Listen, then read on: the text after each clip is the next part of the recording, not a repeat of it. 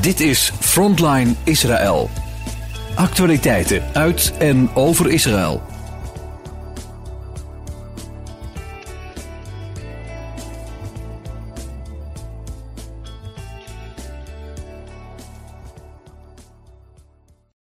Welkom luisteraars.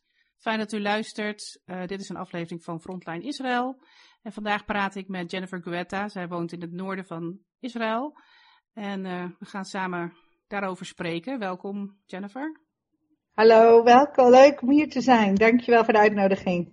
Ja, fijn dat je ons wat wilt vertellen over hoe en wat. Kun je iets over jezelf vertellen? Uh, ja, nou, ik ben uh, Bijbels archeoloog en wij wonen sinds kort, uh, een aantal jaren, wonen wij in het noorden, hier in Israël. we wonen aan het meer van Galilea, op een hele mooie plek, op een berg hier. En ja, het is een hele bijzondere tijd. Jammer dat het inderdaad nu, in deze moeilijke tijd, dat we nu, ja, nu juist kunnen praten. Maar ik, ik hoop dat er ook gewoon hoop zal zijn, zeg maar. Hoe zwaar het ook is op dit moment. Uh, ja, het is, het is echt een hele, hele zware tijd hier in Israël. Het is een andere pagina waar we op zitten. Uh, dat is wat wij voelen. Ja, en um, kun je iets vertellen over uh, wat er nu zo moeilijk is? Want ik heb begrepen dat in het noorden ook veel mensen nu uh, in de, veel in de schuilkelders zitten. Ja, wij werden opgeschikt twee weken geleden door een vals alarm. En toen moesten wij allemaal twee uur in de schuilkelder zitten. En dat was best wel beangstigend, want toen werden we verteld dat hier ook allemaal terroristen kwamen. En, uh, maar goed, dat was een goed wake-up call. Daardoor hebben wij alle schuilkelders klaargemaakt. Iedereen ging gelijk de volgende dag alles klaarzetten. Mm. En uh, sinds die tijd zitten wij ja, een beetje in afwachting. We hebben drie alarms gehad tussen de afgelopen week. Nou, dat valt heel erg mee vergeleken met wat gaande is in Ashkelon en in Ashdod en al die gebieden. Wij hebben daar veel familie zitten in Ashkelon en die hebben het heel zwaar. Die worden echt om de twee minuten uh, naar de schuilkelders geroepen. Uh, maar hier in het noorden is het wel uh, afwachten. Wij ja. kijken eigenlijk naar het noorden elke dag van, ja, gaat er iets gebeuren met Hezbollah? gaat die inderdaad beginnen met al die raketten. En we kijken ook naar het oosten, want wij wonen best wel dicht bij de Golanhoogte. Hè? We hebben alleen het meer van Galilea tussen ons. Ja. En uh, in het oosten, ja, daar, uh, daar kan ook van alles vandaan komen. En Iran heeft gedreigd om daar militia's neer te zetten om onze kant op te gaan. Dus dat is wel heel spannend. Ja. En je, je merkt dat um, Hoewel je heel rustig probeert te blijven, je probeert rust in de Heer te vinden, dat is het meest belangrijke. Dat je gewoon echt uh, rustig blijft onder alles. Um, maar je merkt dat je lichaam gewoon elke dag met allerlei shocks wordt op. Oh, we moeten dit, oh, we moeten dat. Um, en je zit ook weer opgesloten natuurlijk in je huis. Ja. Uh, alles is stil buiten. Het is weer, uh, dacht ons eerst een beetje aan de coronatijdperk aan het begin. Mhm. Die, die overal wordt gezaaid. Dus de, uh, mensen gaan naar de supermarkten en gaan gigantisch veel eten inslaan. Um, en ja, dat is ook nodig, weet je. Het zijn ook dingen die nodig zijn. Maar, uh, en het is stil op straat. Je, je bent gewoon merendeels van de tijd thuis. En je probeert niet te veel naar het nieuws te kijken, want anders uh, ben je daar de hele dag mee bezig. Maar ja, het leeft zo. En we hebben ook. Uh, Israël is een klein land en iedereen kent iedereen. Het is niet uh, zo van oh groot. Iedereen kent wel iemand hier die is overleden of die is hostages. We hebben een, een, ons nichtje, een vriendin, haar beste vriendin, die zit ook onder de, onder de hostages in Gaza, waar we voor aan het bidden zijn. Um, iedereen kent mensen die nu in het leger zijn, hè? Die, ja. uh, die allemaal uh, op de frontline zijn. Ja. En um, dus we doen met z'n allen mee. We zijn heel erg aan het bidden voor ieder. Voor, dat is eigenlijk wat wij ook echt zien als onze taak. Bij enorm veel mensen vragen wij om te gaan bidden voor Israël. Want dit is echt de tijd om niet stil te gaan zitten voor mensen, zodat ze niet. Uh, alleen maar gewoon thuis zeggen, nou ik kan niks doen. Jawel, als christen kan je wel heel veel doen. Ga bidden en uh, Israël helpen zoveel mogelijk. Wees niet bang. Uh, ja, dus dat is, dat is een beetje de situatie nu. Ja. En, en hoe, hoe, hoe zit dat met de mensen die om jullie heen wonen? Merk je dat er heel veel angst is? Of is er ook strijdvaardigheid? Uh, zijn mensen echt al met God bezig? Hoe, hoe ervaar jij dat? Um, nou, ik ervaar nog niet zo dat ze met God bezig zijn. Behalve de gelovige mensen, die zijn heel erg aan het bidden natuurlijk. En die hebben ook hoop.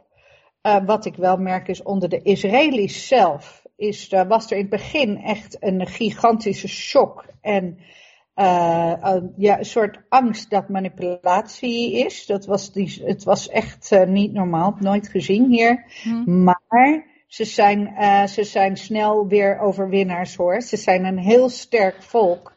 En uh, je ziet nu echt de strijdvaardigheid met z'n allen komen. En je ziet ook het land bij elkaar komen. Je ziet dat mensen nu uh, met allerlei projecten ontstaan er om soldaten te helpen. Om de spullen naar het front te krijgen. Om ja, eten te gaan maken voor de, voor de mensen aan het front. Allemaal dat soort projecten. Zo zijn we allemaal bezig om iets te kunnen doen.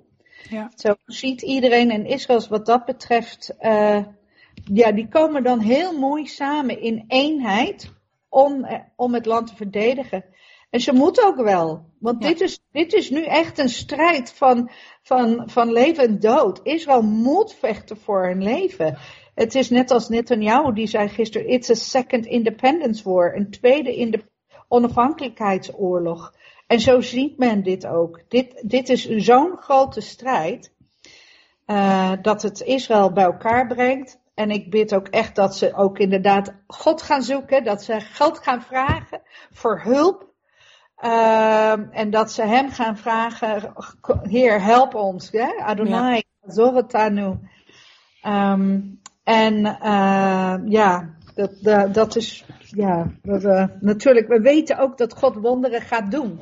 En wat ik zo mooi vind is, uh, dat vertel ik ook veel mensen, um, we weten dat Israël Gods idee is.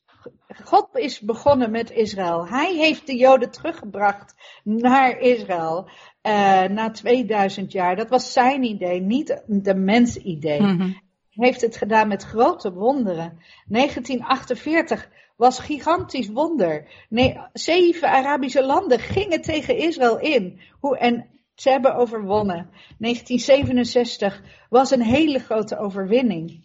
En ook in de Yom Kippur-oorlog hebben we gezien dat God met heel veel wonderen heeft gedaan. Ja.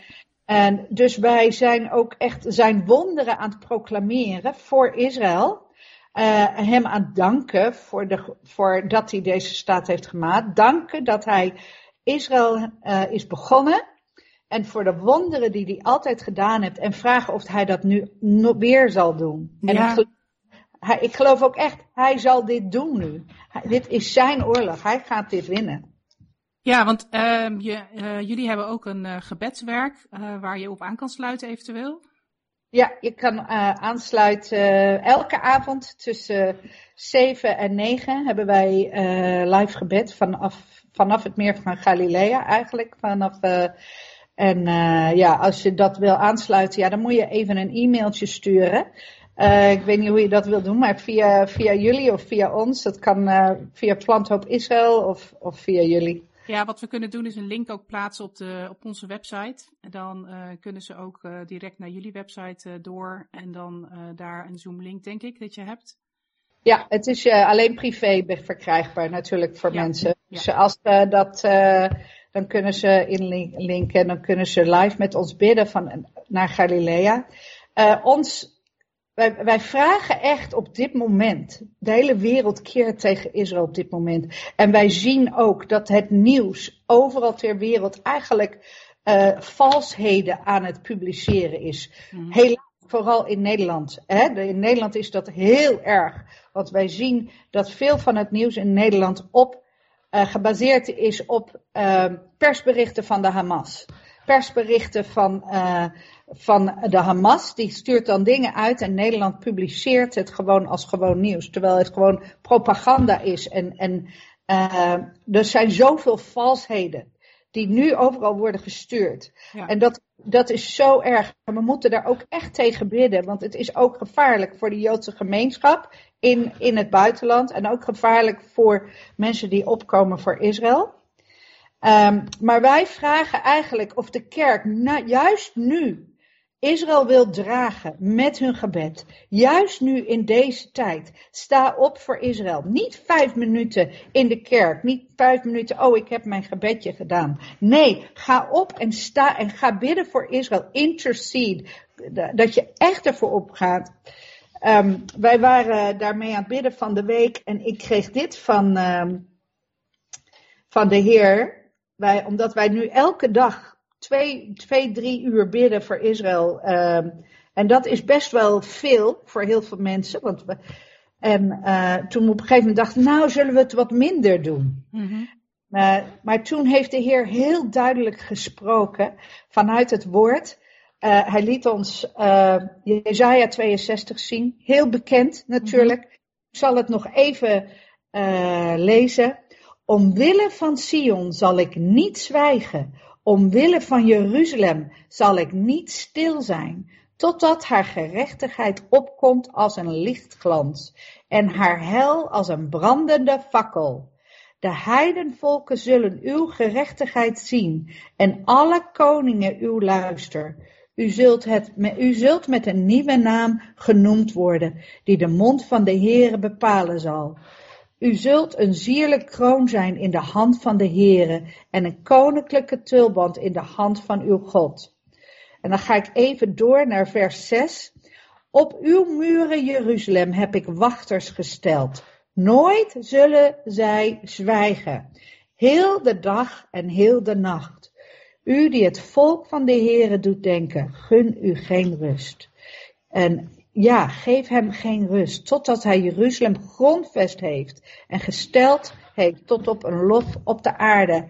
En ik geloof dat dit een boodschap is aan de kerk, want de kerk heeft namelijk echt van Jezus zelf um, de autoriteit gekregen om te bidden in het hemelse gewesten op hoog niveau. En gebeden zijn zo sterk.